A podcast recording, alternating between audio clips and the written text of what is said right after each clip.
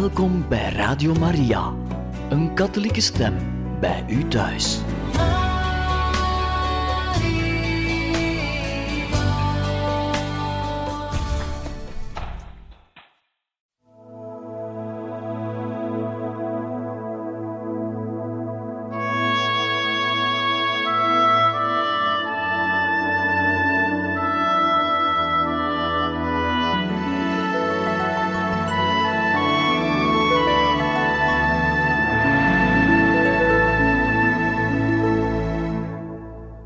Beste luisteraars, broeders en zusters, welkom in het programma Heiligen Getuigen. We gaan verder met het voorlezen van het boek We worden geboren om nooit meer te sterven, het verhaal van Chiara Corbella Petrillo. En we zijn ondertussen gekomen aan hoofdstuk 5, met als titel 21 september. Als dit boek een film zou zijn, dan zou het nu het moment zijn voor een flashback.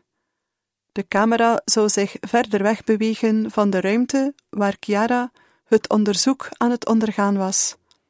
Zou weggaan uit de gang, uit het ziekenhuis, weg van het pleintje en verder naar boven stijgen, altijd maar verder, van waar men de daken kon zien, de stad Rome, het groen, de bergen van de Apennijnen, de zee Italië en de wolken. Daarna zou de camera weer dalen, om in vrije val naar beneden te gaan en de grond aan te raken, om te lopen en de straten, landschappen en heuvels te doorkruisen. En dan komt een kerk steeds dichter in beeld. We blijven staan voor de façade. We gaan naar binnen. Daar in het middenpad staat Chiara. Ze heeft haar bruidsjurk aan en naast haar staat haar vader. Ze leggen het korte traject af van de deur naar het altaar, waar Enrico op haar wacht. We zijn niet meer in Rome op een dag in april, maar in Assisi op een septemberochtend. De kerk is de prachtige Romaanse kathedraal van San Pietro, Sint Pieter, en zit vol met genodigden. Het is 2008. Chiara en Enrico trouwden op 21 september 2008 in Assisi, in de kerk van San Pietro. Assisi was voor hen allebei een belangrijke plaats. Van daaruit vloeide het water dat de dorst van hun dorre grond gelest had. Het was hier dat ze voor de eerste keer die woorden gehoord hadden die hen bij alle gebeurtenissen zou vergezellen. Liefde is het tegengestelde van bezit. Een regel die, als ze stevig in het hart geworteld is, leidt tot grote dingen, wonderlijke dingen. De huwelijksviering. Intredelied. Mijn liefste, zie, hier ben je eindelijk aan de deur van mijn huis ik heb zo lang gewacht op deze dag voor ons. Kalm ben ik snel opgestaan voor jou. Vandaag zul je de mijne zijn, mijn liefste. Vandaag zul je de mijne zijn, mijn liefste. Kom snel, ik wacht hier op jou. Ik kan het nog niet geloven. Je zult mij jouw hand geven. Je weet niet hoeveel ik van je hou. Ik wist het ook dat je de mijne was. Vandaag zul je de mijne zijn, mijn liefste. Vandaag zul je de mijne zijn, mijn liefste. En de hemel zal zich voor ons openen. Liefde zal voor ons geboren worden, en een engel zal de liefde bezingen die God voor ons heeft. Nu zijn we één in jou. Verdedig ons ja aan jou. Ik zal je voor altijd in zijn hart houden. Je zult me voor altijd naast haar zien, zolang jij het zult willen. Vandaag zal ik de jouwe zijn, mijn liefste. Vandaag zal ik de jouwe zijn, mijn liefste. En de hemel zal zich voor ons openen. Liefde zal voor ons geboren worden, en een engel zal de liefde bezingen die God voor ons heeft. De klokken luiden, de engelen zingen vanuit de hemel. De eerste lezing uit de profeet Jesaja. Zoek de Heer, nu hij te vinden is. Roep hem aan, hij is nabij. De zondaar moet zijn weg verlaten, en de boosdoener zijn gedachten, en terugkeren naar de Heer, die zich over hem erbarmen zal, naar onze God, die immers rijkelijk vergeeft. Want mijn gedachten zijn niet uw gedachten, en uw wegen niet mijn wegen. Zo luidt de Godspraak van de Heer. Want zoals de hemel hoger is dan de aarde, zo gaan ook mijn wegen uw wegen te boven, en mijn gedachten uw gedachten. De antwoordpsalm, Psalm 128, een bedevaartslied. Gelukkig die Godvrezend zijt, de weg des Heren gaat. Gij zult de vrucht van eigen arbeid eten, tevreden en voorspoedig zult ge zijn. Uw vrouw daarbinnen in uw huis is als een rijk beladen wijnstok. En als olijventakken rond de stam, zo staan uw zonen om uw tafel. Ja, zo wordt elke man gezegend die eer geeft aan de Heer. U zegene de Heer uit Sion. Moogt gij Jeruzalem welvarend zien, zolang uw dagen duren. Moogt gij de zonen van uw zonen nog aanschouwen, en vrede over Israël. Tweede lezing uit het boek Apocalyps. En schrijf aan de engel van de kerk te Philadelphia. Zo spreekt de Heilige, de Waarachtige, die de sleutel van David heeft, die opent en niemand sluit, die sluit en niemand opent. Ik ken uw daden. Zie, ik heb voor u een deur opengezet die niemand kan sluiten. Al is uw kracht gering, gij hebt mijn woord bewaard en mijn naam niet verloochend. Ik zal zorgen dat zij die behoren tot de synagoge van de Satan, die zeggen dat zij Joden zijn, en ze zijn het niet, maar liegen, ja, ik zal maken dat zij komen en zich voor uw voeten neerwerpen, en erkennen dat ik u heb liefgehad. Omdat gij mijn woord standvastig hebt bewaard, zal ik u bewaren in het uur der beproeving dat over heel de wereld zal komen, om de bewoners der aarde op de proef te stellen. Ik kom spoedig. Houd vast wat gij hebt. Laat niemand u de kroon ontroven. Wie overwint, hem zal ik maken tot een zuil in de tempel van mijn God. Die zal hij nimmer meer verlaten. En ik grif op hem de naam van mijn God en de naam van de stad van mijn God, het nieuwe Jeruzalem, dat van mijn God uit de hemel neerdaalt, en de nieuwe naam die ik draag. Wie oren heeft, horen wat de Geest tot de kerken zegt. Het Evangelie volgens Marcus. Toen hij zich weer op weg begaf, kwam er iemand aanlopen die zich voor hem op de knieën wierp en vroeg: Goede meester, wat moet ik doen om het eeuwig leven te verwerven? Jezus antwoordde: Waarom noemt ge mij goed?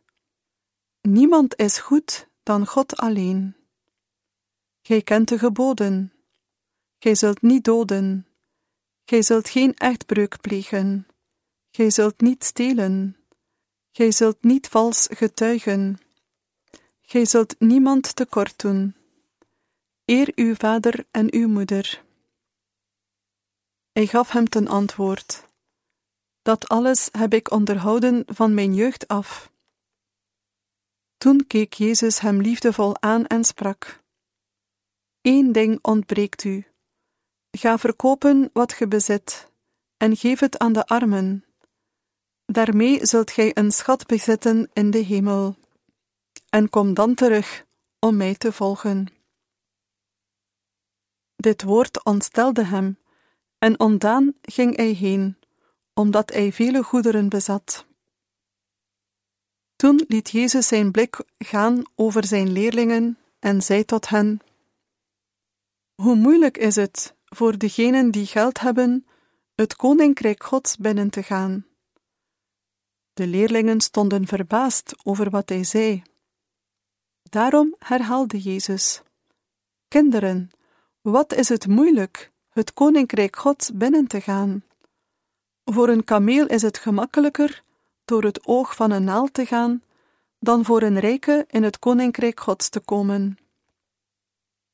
Toen waren ze nog meer verbijsterd, en ze zeiden tot elkaar: Wie kan dan nog gered worden? Jezus keek hen aan en zei: Dit ligt niet in de macht der mensen, maar wel in die van God, want voor God is alles mogelijk. Toen nam Petrus het woord en zei: Zie, wij hebben alles prijsgegeven om u te volgen.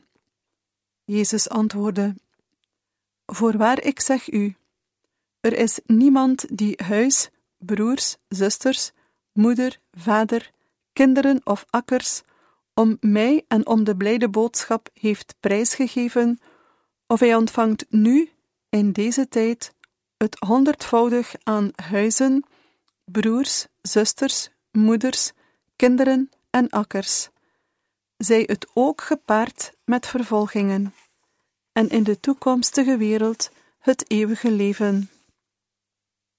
Veel eersten zullen laatsten, en veel laatsten zullen eersten zijn. Het feest was heel mooi. Het bruidspaar was prachtig en stond te popelen om te feesten. De genade vloeide rijkelijk. Dat we hen zo zagen, maakte ons tot getuigen van hoe het voelt om een schat te veroveren. Chiara had ons vaak gezegd: iedereen was zo snel weg. Ze klaagde lachend over het feit dat de genodigden vroeger dan ze gehoopt hadden vertrokken waren uit het restaurant. Ze wilden juist nog verder feesten.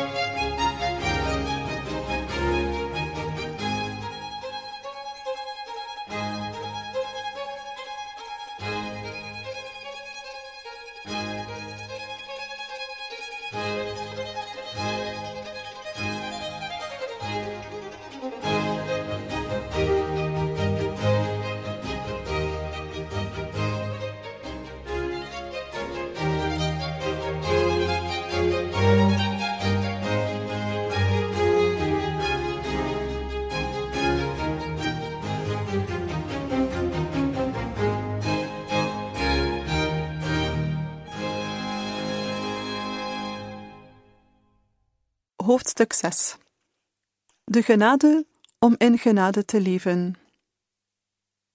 Het opschrift bij dit hoofdstuk komt uit het Evangelie volgens Johannes, hoofdstuk 16, vers 20. Voorwaar, voorwaar, ik zeg u: Gij zult wenen en weeklagen, terwijl de wereld zich zal verheugen. Gij zult bedroefd zijn, maar uw droefenis zal in vreugde verkeren. Op 4 april, de woensdag van de Goede Week, kwam het resultaat van de leverbiopsie binnen. Het was het laatste onderzoek, de definitieve uitspraak. Enrico was bij Chiara in de kamer, en ook Veronica was er, een vriendin die net toegekomen was. Toen Chiara haar zag, lachte ze en zei: Kijk eens wie daar is. Veronica, eindelijk ben je hier. Heb je de doek meegebracht? Veronica wist dat ze daar op een delicaat moment was, maar ze kon zich niet voorstellen hoe delicaat het wel was. Net zoals de Veronica in het Evangelie, die met een doek het zweet van Jezus gelaat veegde tijdens zijn kruisweg, zou ook zij na deze dag altijd een liefdesicoon in haar hart dragen. Vero, we zijn aan het wachten op de resultaten, zei Enrico. Een beetje later bracht een verpleegster het middageten voor Chiara, en met het excuus dat Enrico een paar papieren moest tekenen, vroeg ze aan hem om haar te volgen naar de gang. Chiara en Veronica bleven achter en praten een beetje. Toen ze Enrico niet zag terugkeren, zei Chiara op een bepaald moment: Kom mee, we gaan Enrico zoeken. Die twee waren aan het praten. Ik zal hem misschien ergens flauwgevallen terugvinden. Maar buiten op de gang stond niemand. De dokter had Enrico apart genomen en informeerde hem over de uitslag van het onderzoek. Chiara was terminaal ziek. Wat een vermoeden was, werd nu zekerheid. Er waren uitzaaiingen op verschillende plaatsen. De dokter wilde Enrico helpen om het aan zijn vrouw te vertellen, maar hij had tranen in zijn ogen en zijn stem was verstikt. Ondertussen waren Chiara en Veronica teruggekeerd naar de kamer. Net toen ze weer wilden gaan zitten, kwam Enrico binnen. Met tranen in de ogen riep hij zijn vrouw. Ze verlieten samen de kamer. Enrico nam haar mee naar de ziekenhuiskapel, waar hij haar alles vertelde, zonder iets te zeggen. Ze omhelzen elkaar voor de Heer en ze herhaalden hun huwelijksbeloften. Uit angst dat de duivel haar zou beproeven, vroeg Chiara met klem: Zeg me alleen niet hoeveel tijd ik nog heb, want ik wil in het nu leven. Een beetje later wandelden ze weer door de gang, hand in hand. Enrico was overstuur. Chiara lachte met de verpleegsters die gestopt waren om met haar te praten. Ze nam van iedereen afscheid. Het was tijd om haar dingen bij elkaar te zoeken en naar huis terug te gaan. De avond ervoor, tijdens een gesprek in haar kamer, had Chiara het huwelijk beschreven zoals het was: een weg naar de hemel. Voor haar had een weduwnaar of een weduwe het volste recht om opnieuw te trouwen, juist omdat die weg naar de hemel leidt, en dat is wat telt. Even daarvoor had Chiara er interesse in getoond om een pediatrisch opvanghuis te openen, om kinderen met kanker en hun families te helpen om met de dood om te gaan. Ze dacht altijd aan anderen. Haar lijden bracht haar nog dichter bij zieken en mensen in nood. Met de hulp van de genade was ze klaar om tot het einde te gaan.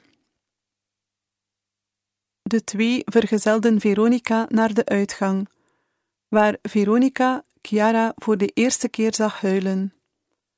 Toen ze afscheid namen, zeiden ze niets. Chiara zei gewoon: Wel dan, zalig Pasen. Daarna verliet Enrico in zijn eentje het ziekenhuis. Hij ging naar zijn schoonfamilie op het nieuws ook aan hen te vertellen en de kleine Francesco mee te nemen. Toen hij terugkeerde, was Chiara in de kapel. Ze zag hun kindje en nam hem in haar armen. Ze toonde hem een afbeelding van de heilige maagd Maria en liet hem een kaarsje aansteken. Chiara zat opnieuw voor een afbeelding van de heilige maagd Maria, net als in het begin met Maria Grazia Letizia. Als het waar is dat we zijn wat we lief hebben, en Chiara hield heel veel van Jezus, dan was het juist tijdens deze laatste beproevingen dat ze steeds meer op haar meester was gaan lijken. Met Chiara leek alles toevallig en tegelijkertijd ook op tijd. We vonden elkaar telkens terug op de belangrijkste momenten. Die middag ging Christiana haar opzoeken in het ziekenhuis. Ze wist nog van niets. Toen ze haar kamer binnenging, vond ze niemand. Ze waren allemaal in de kapel. Chiara, Enrico, Francesco, Daniela en de radioloog. Iedereen was in tranen, behalve Chiara, die haar lachend aankeek. Christiana, ik wist dat je zou komen. Je komt altijd op het juiste moment. God wil je er elke keer bij. Hoe komt dat toch? Heb je Veronica naar buiten zien gaan? Christiana begreep niet goed wat er gebeurde. Nadat ze even met Daniela gesproken had, nam ze Francesco en bracht hem naar de gang om wat te spelen, zodat de Petrillo's alleen waren.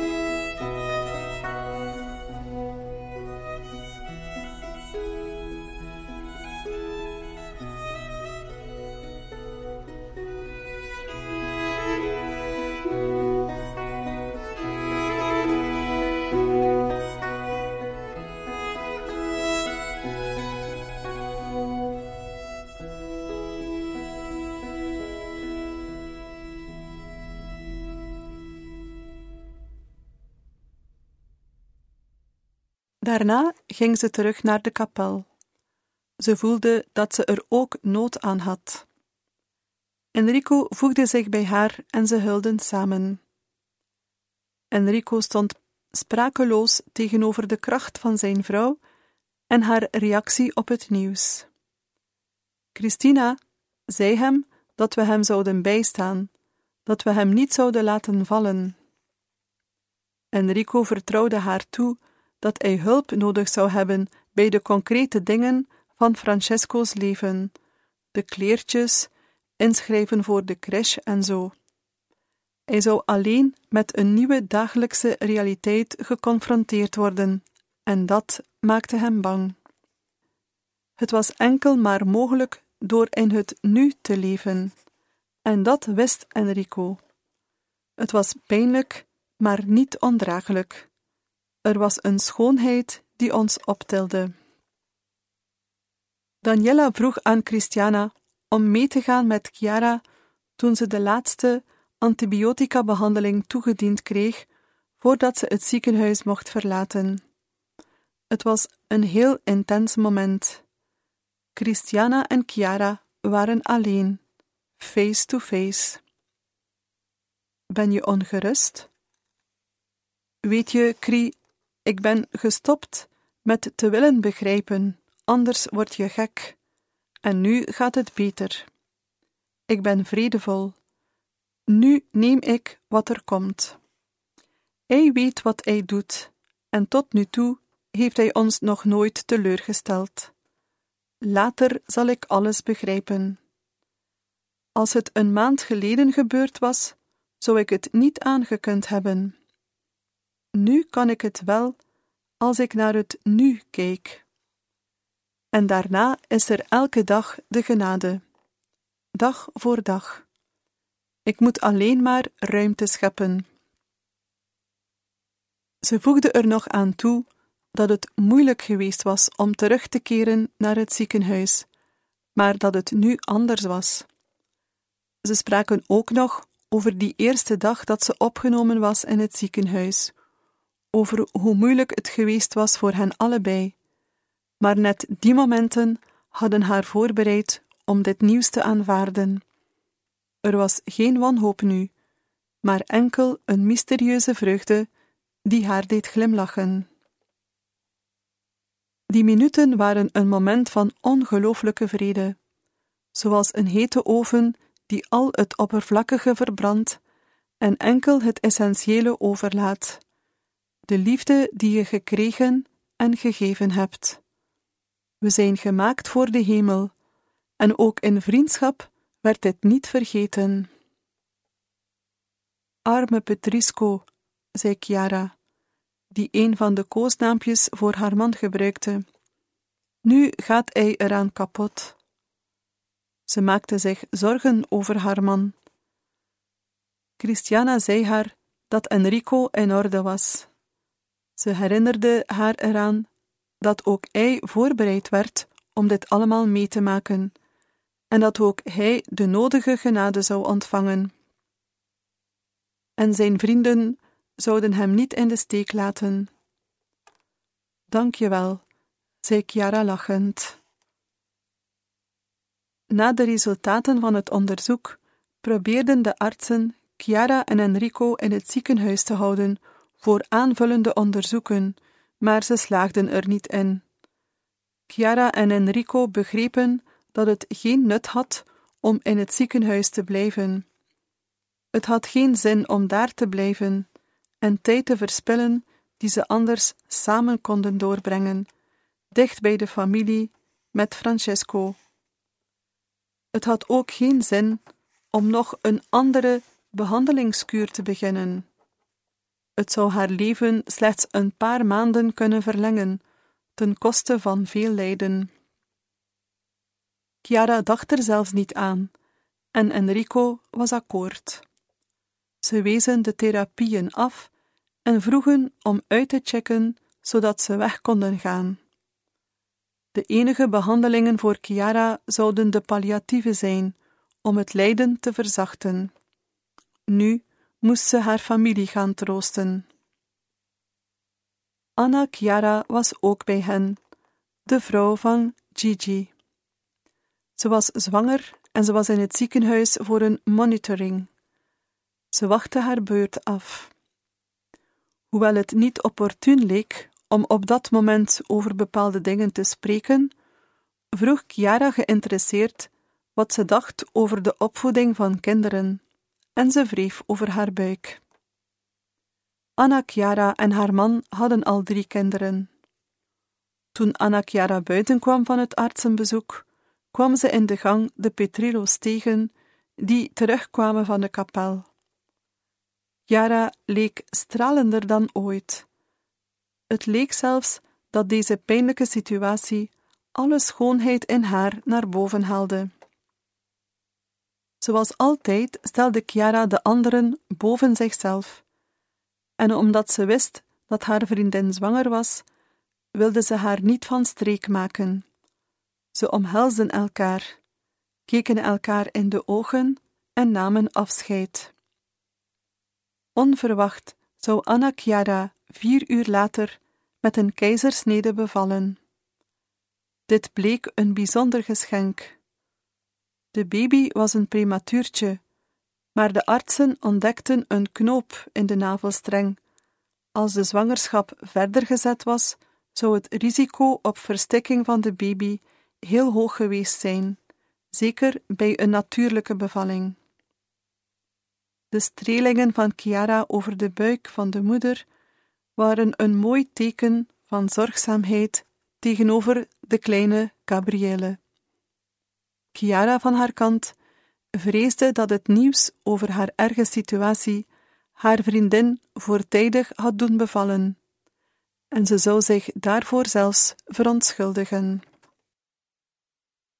Beste luisteraars van Radio Maria, wij beëindigen hier voor vandaag het voorlezen uit het boek Wij worden geboren om nooit meer te sterven, het verhaal van Chiara Corbella Petrillo. Wij danken u heel hartelijk voor het luisteren en graag tot een volgende keer.